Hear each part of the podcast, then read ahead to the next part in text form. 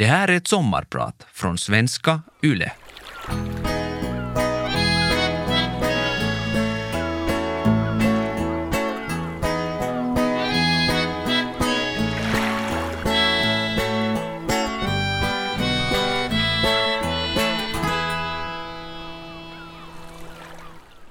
Normalt är jag en tidsoptimist och brukar precis hinna fram med andan i halsen. Men just den här oktobermorgonen vaknar jag i god tid. Jag dricker mitt kaffe, packar lagboken och datorn och cyklar i morgonsolen genom Lund i Skåne. Jag ska skriva min allra första juridiktenta vid juristprogrammet vid Lunds universitet som har funnits sedan 1666. Medan jag cyklar i de anrika kvarteren tänker jag att jag säkert är den första och enda mormon genom dessa århundraden som nu ska skriva en juridiktenta. Och jag tänker att då universitetet grundades var Sverige och Finland samma land.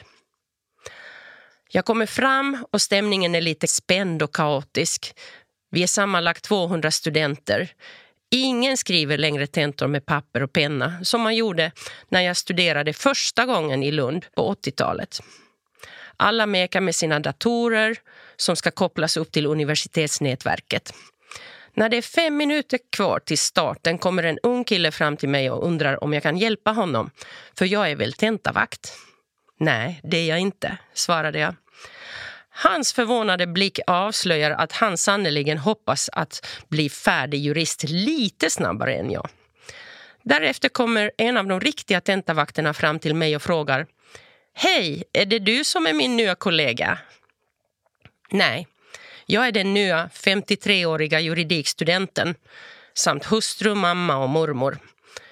Och det är ilska som har fört mig hit. Jag vill förkovra mig i rättsvetenskap för att kunna försvara finnar och vargar i Sverige. Både Sverigefinnarna och vargarna behandlas orättvist inför lagen i Sverige och det vill jag, måste jag förändra. Jag heter Johanna Parikka Altenstedt. Jag är sociolog, kommunikationsexpert och numera även jurist. Men framför allt känner jag mig som vargens advokat och PR-kvinna. Idag är jag er sommarpratare och jag kommer att tala om både Susi och Sisu.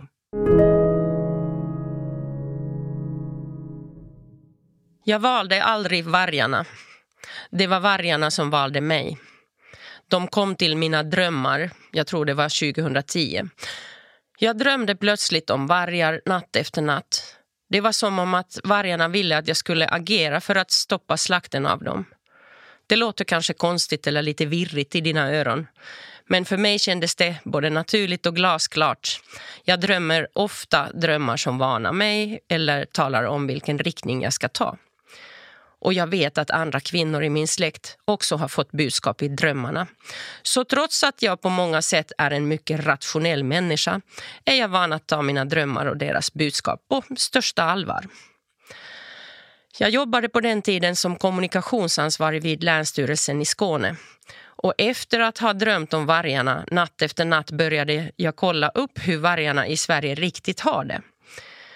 Till min stora förvåning märkte jag att rovdjursförvaltningen öppet delegerades till Jägarförbundets lokala skånska avdelning.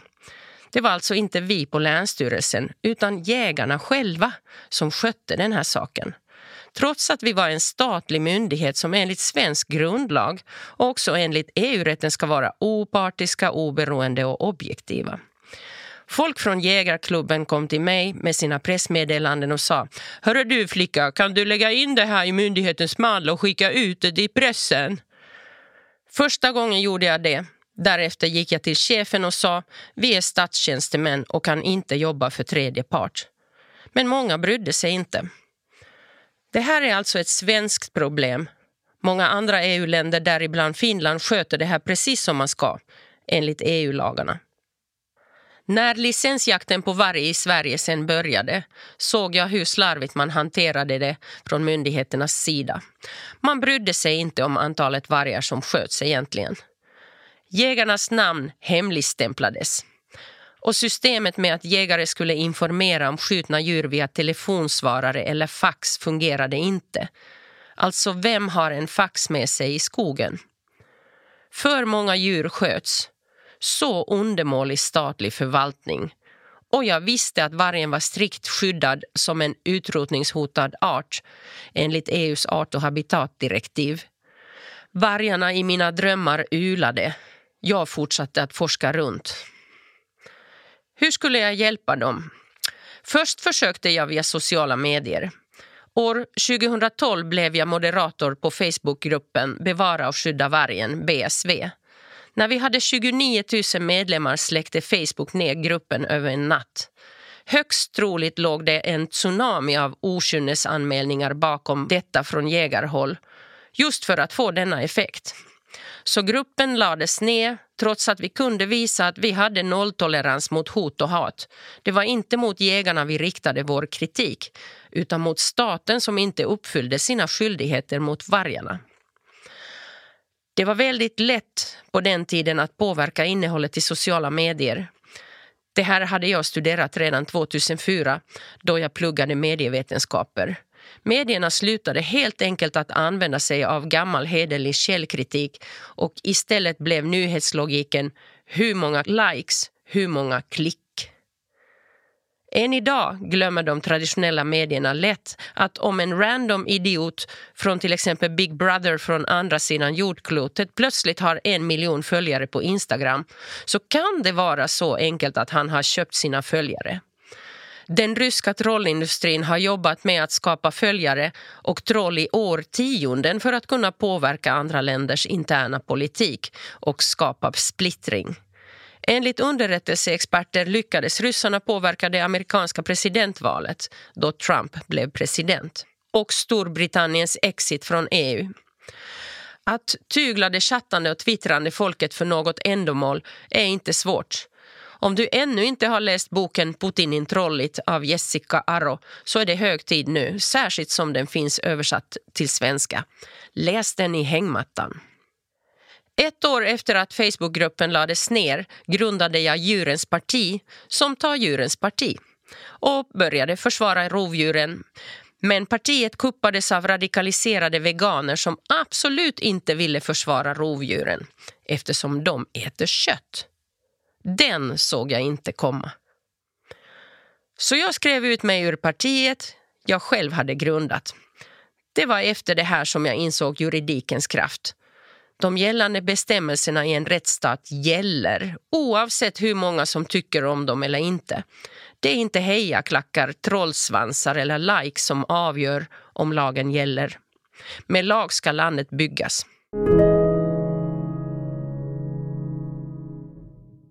I början av 90-talet i Riksarkivets underjordiska gångar i Stockholm fick jag syn på långa hyllor med torra och dammiga djuröron. Det visade sig vara vargöron från 1600-talet och framåt. De var buntade ihop två och två med en liten papplapp på som berättade var, när och av vem vargen hade skjutits. Öronen skickades till kronan, alltså staten, mot en penningersättning till jägaren. Därav uttrycket öronmärkta medel som vi har i språket än idag. Den svenska staten och kyrkan har sedan flera hundra år drivit en tes om att vargen är farlig, onödig och skadlig. Historiskt har sätten att plåga och döda vargen varit utstuderat grymma. En av de mest brutala varianterna var ett så kallat benjärn med tandade kanter och en mekanism som förhindrade järnet att öppnas igen. Det finns vargar som har gnagat av sina egna ben för att komma loss från fällan. Och alla har vi ju hört talas om varggruppen som grävdes för att fånga vargen i en fälla och sen döda den. Många av er har säkert druckit en och annan vargtass. Fundera en liten stund vad månne de röda lingonen i drinken symboliserar. Jag har tänkt mycket på varför det uppstod en sådan hatkultur just mot vargen som i själva verket är hundens förfader. Ett nyfiket, lekfullt och glatt flockdjur där alfaparet håller ihop hela livet och uppfostrar sina kullar under många år. Hur blev vargen the big bad wolf, den stora stygga vargen? Min enkla hypotes är kyrkan. Vargen har varit ett respekterat djur inom katolicismen. Den eviga staden Rom grundades ju av vargarna Romulus och Remus och Sankt Franciscus av Assisi, djurens beskyddare, har vargen som symbol. Den här symboliken triggade nog kungarna och prästerna som ville ta över katolicismens rikedomar och makt här i vårt mörka hörn i Norden. Vargen omgjordes till djävul och monster av reformisterna som skulle göra oss till fromma protestanter. Vargen målades upp som själva Satan på kyrkoväggarna. Idag har få av oss koll på hur reformationen gick till men vargens dåliga rykte lever kvar. Det är Rödluvan, det är vargen och grisarna och det är varulvar hit och dit. Det vore klädsamt av den finska och svenska kyrkan att redogöra för sin roll i varghatet och gubevars visa ånger, tycker jag. För vargen är väl Guds skapelse som alla andra, eller?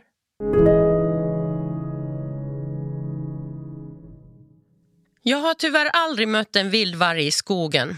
Däremot fängslade djur, bland annat i Ähtare i Finland och Kolmården i Sverige. Då tyckte jag mest synd om dem i de små inhägnaderna. Vargen kan ju med sin obegripliga orienteringsförmåga navigera tusentals kilometer. Något som forskare intresserar sig i. Hur gör vargen när den navigerar? I Polen har jag däremot sett massor av stora färska vargspår i snön och känt mig iakttagen, vilket gav mig en lyckokänsla. Jag skulle gärna vilja träffa en varg i det vilda och se rakt in i vargens ögon.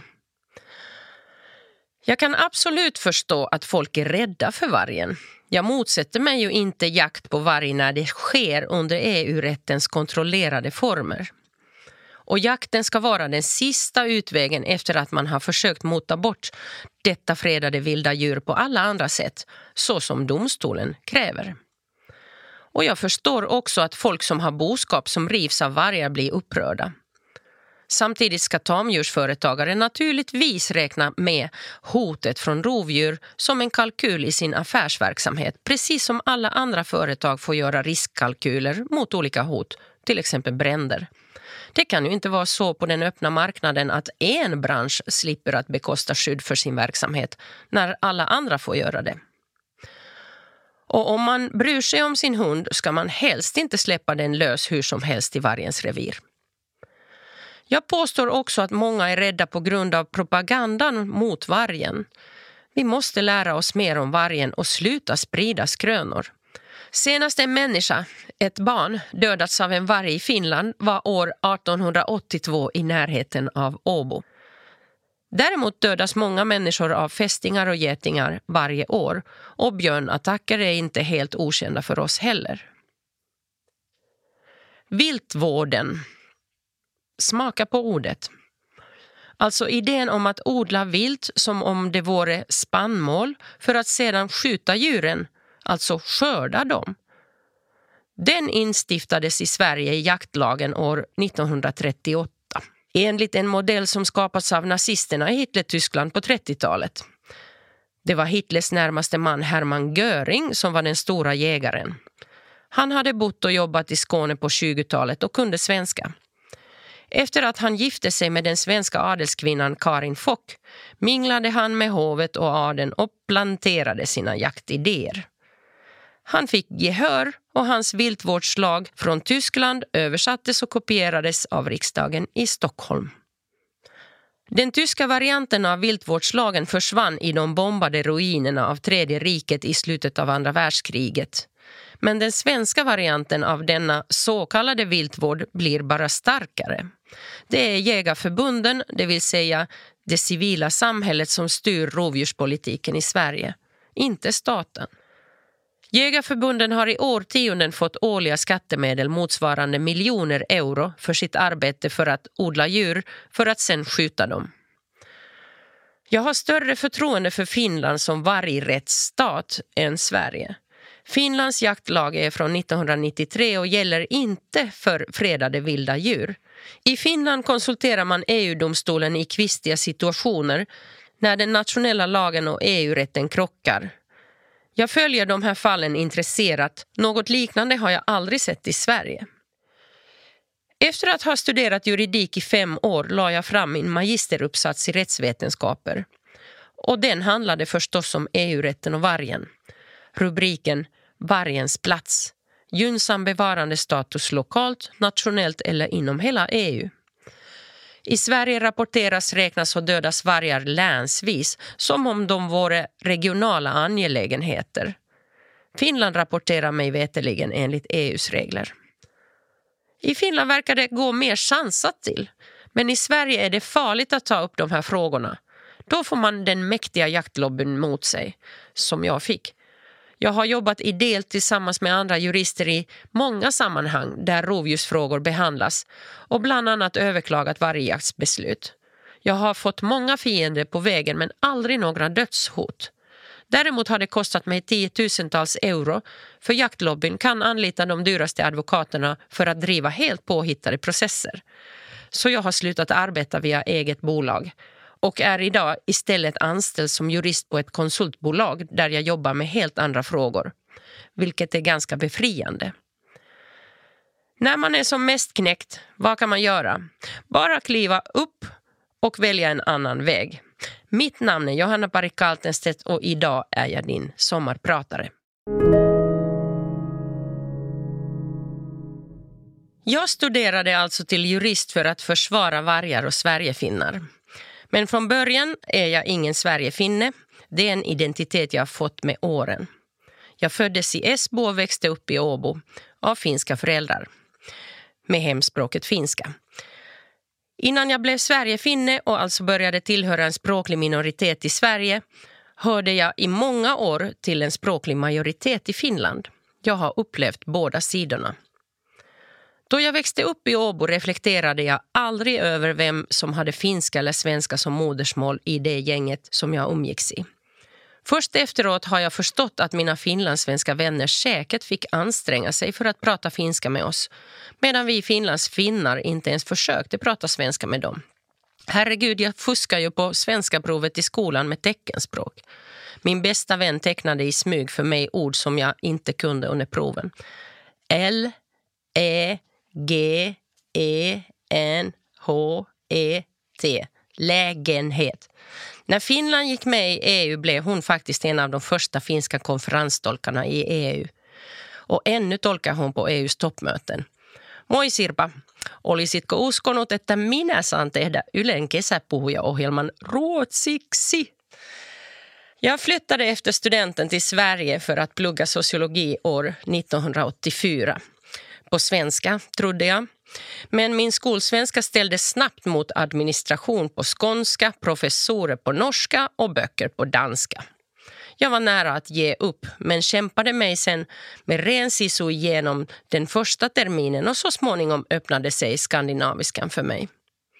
Jag blev snabbt aktiv i föreningen Finlust, finska Lundastudenter och den föreningen finns kvar än idag.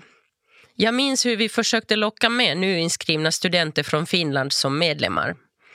Av finlandssvenskarna fick vi oftast ett nej. Jag har ju kommit till Lund för att komma långt från Finland, brukade de svara. Men det tog exakt en termin innan de hade genomgått sin identitetskris. Då kontaktade de Finlust och undrade Har ni bastukvällar? Firar ni vappen? Har ni mjöd? Vet ni vad man kan få tag i nyårsten? Firar ni självständighetsdagen? Var kan man få tag i memma? Har ni finsk öl? Ni spelar finsk rock i studentradion. Får man vara med och sända? Kyllä, tervetuloa, sa vi. Särskilt minns jag läkarstudenten från Närpes som efter jullovet berättade att hans föräldrar hade blivit så förbryllade över att han hade börjat prata finska. I Lund. Det hade aldrig hänt innan i hans släkt att någon aktivt eller frivilligt börjat prata finska. Han översatte till och med alla svenska städers namn till finska. Malmö, där jag är bosatt, blev Malmisaari. Stockholm blev Tukkisaari. Fast oftast kallar vi huvudstaden bara för Tokholma. Holmen där det bor tokar.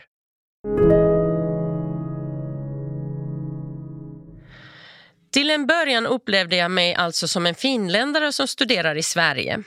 Efter en tid som en finländare som är bosatt där. Men det var först när jag blev mamma i slutet av 80-talet, mamma till barn som ju var Sverigefinska, som jag också började uppfatta mig själv som Sverigefinne. Alltså en av Sveriges hundratusentals nationella minoritetsinvånare med finska som modersmål. På barnavårdscentralen i Lund, staden som brukar kallas kunskapens vagga, sa barnmorskan till mig att jag inte skulle prata finska med min nyfödda dotter, för det var farligt för hennes hjärna. Några år senare på sonens mellanstadieskola tyckte rektorn att sonen kunde slippa finska lektionerna om han ville, för det var ju inte så viktigt. Rektorn tyckte synd om honom som behövde traggla detta svåra språk. Och när den yngsta sonen som har både en far och farfar med grav dyslexi fick problem med att skriva så viftades det bort av specialpedagogerna. Det beror bara på att ni blandar finska och svenska där hemma, löd deras bergsäkra analys. Jag tror att en och annan finlandssvensk kanske kan känna igen sig i dessa duster. Många Sverigefinska föräldrar bränner ut sig i sin kamp mot okunskapen hos myndigheterna det vill säga framför allt skolpersonalen, socialen och vårdpersonalen. Min kandidatuppsats i juridik handlar om de bristande rättsmedlen för nationella minoriteterna i Sverige. Den var knappast lysande, den uppsatsen. Jag jobbade ju heltid samtidigt och ville bara bli klar med studierna. Men min examinator sa du är nog den högsta juridiska auktoriteten inom nationell minoritetsrätt för ingen annan har någonsin skrivit om detta. I praktiken är det helt omöjligt att få en rättegång på finska eller att ta en fight i rätten mot en kommun som till exempel vägrar ordna finska undervisning.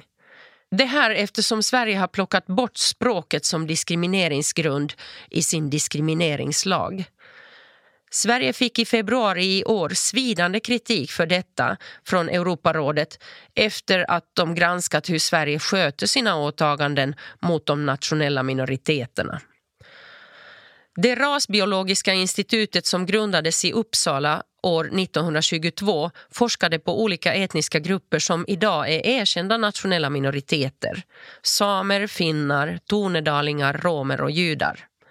De tyska nazisterna kopierade sedermera Lundborgs teorier om högre skandinaviska ariska raser och inledde den ohyggliga utrotningen av judar och romer baserat på denna pseudovetenskap. Om jag minns rätt så är vi finnar 96 procent mänskliga enligt rasforskningens guru Lundborg. Men förtrycket går längre tillbaka i tiden. Romska män fick man på 1600-talet hänga lagligt utan rättegång eller anklagelser och kvinnor och barn togs som slavar till gruvorna, bland annat i Falun. Därefter har romer förvägrats bosättningstillstånd, stängts ute från skolan och kyrkan, blivit tvångssteriliserade och tvångsassimilerade. Samer berövades sitt språk, sina marker, sin religion och sin jojk. Tornedalingar berövades sitt språk, rätten till sina renar och självrespekten. Den finska som Sverigefinnarnas barn och barnbarn får lära sig i Sverige idag blir ofta någon form av köksfinska och den räcker sällan till akademiska studier eller kvalificerade jobb på finska. Som mormor försöker jag tala finska med barnbarnen. Läser, sjunger, rimmar, ramsar. Språk är inte bara en rättighet utan också en stor glädje.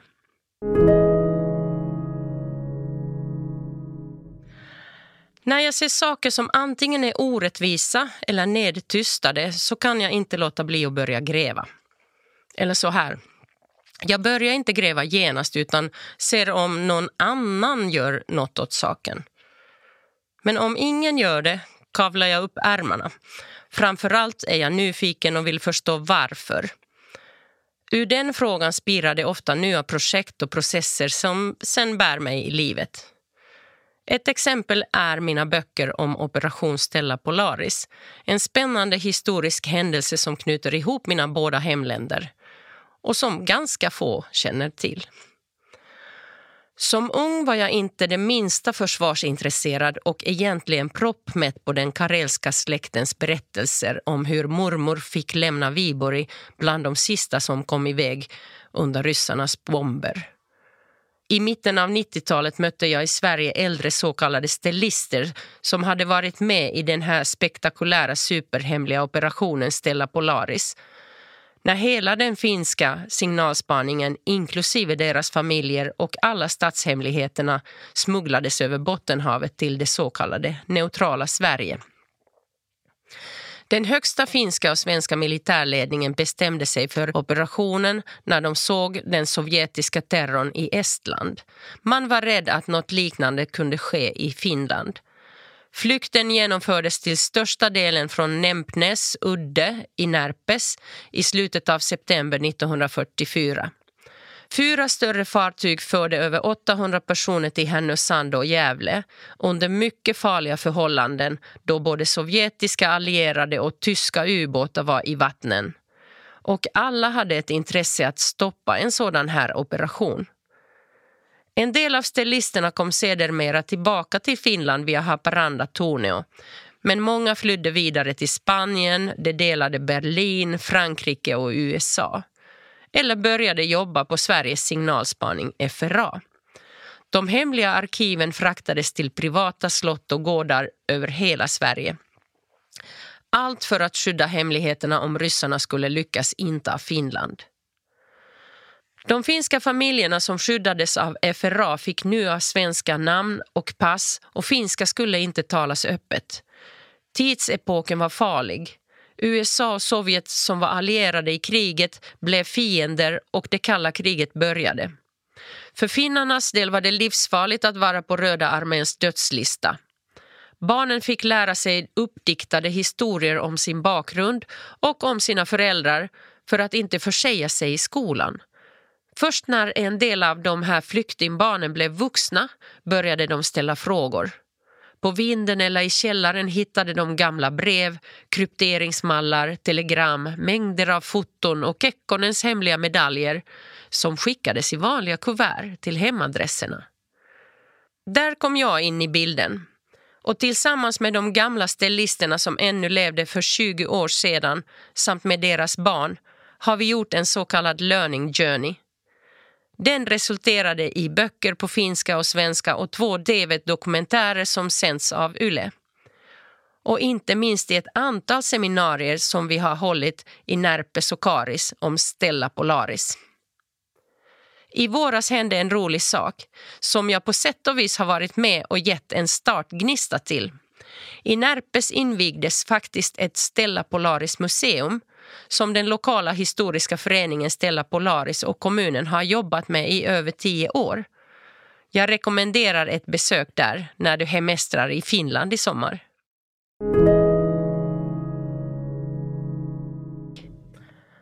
Enligt både svensk och finsk lag är djur ting eller saker. Jag kan faktiskt inte smälta det. Alla vi som har haft husdjur vet vilka smarta, individuella, kännande varelser djur är. Till och med ett vilt djur som bläckfisken kan skapa vänskapliga band till människor. Men idag har alltså djuren inte rätten till sitt eget liv enligt våra nationella lagar. Den svenske filosofen Pelle Strindlund skrev för drygt tio år sedan hur djur är vår tids slavar och ges värde bara genom att skapa nytta för människan. Det är så fel, tycker jag. Inom industriell produktion av kött har till exempel veterinärens roll närmast blivit att se till att djuren är tillräckligt friska för att avlivas. Även med husdjur får man ofta rådet att det mest barmhärtiga är att ta bort ett djur som har någon skavank, till exempel brutit benet. Unga travhästar som inte blev så lovande som man trodde avlivas utan att blinka. För vem vill ha en häst som inte kan galoppera? Är det faktiskt bara perfekta djur som duger? Vi hade en från födseln stendöv hund i nästan 15 år. Hon hette Schneeweisen och hon lärde sig vårt hemmagjorda teckenspråk som vi utvecklade för att kommunicera med henne. Det gick hur bra som helst. Hon lärde oss mycket om livet. De vilda djuren i skogen ägs inte juridiskt av någon, det vill säga tills de har dödats. För två år sedan tillät myndigheterna i Sverige att jakttroféer, som vargskinnet, får tas av de dödade vargarna. Jägarlobbyn jobbar just nu hårt för att skapa en ny näringsgren i form av hobbyjakt enligt samma modell som man jagar både lejon och giraff i mellersta och södra Afrika. Djurens rätt till sitt djuraktiga liv måste in i vår lagstiftning. I fördraget om Europeiska unionens funktionssätt, artikel 13, erkänns djur som kännande varelser. Flera länder har skrivit in liknande formuleringar i den nationella lagstiftningen såsom Frankrike och Tjeckien. I Österrikes, Nederländernas, Spaniens och Tysklands lagstiftning konstateras det uttryckligen att djur inte är saker. I Schweiz fastslås det å sin sida att djur inte är objekt och att djur har en värdighet som människan ska respektera. Det är dags att vi formulerar rättigheter för djuren i våra lagar både i Finland och Sverige. Tack för att du har lyssnat på mitt sommarprat om förtryck av finnar och vargar. Jag, Johanna Parikka Altenstedt, önskar dig en härlig fortsättning på sommaren. Och du, om du ser en varg eller spår av varg, fundera två gånger om du faktiskt ska lägga ut infon på sociala medier eller om du bara ska låta vargen vara.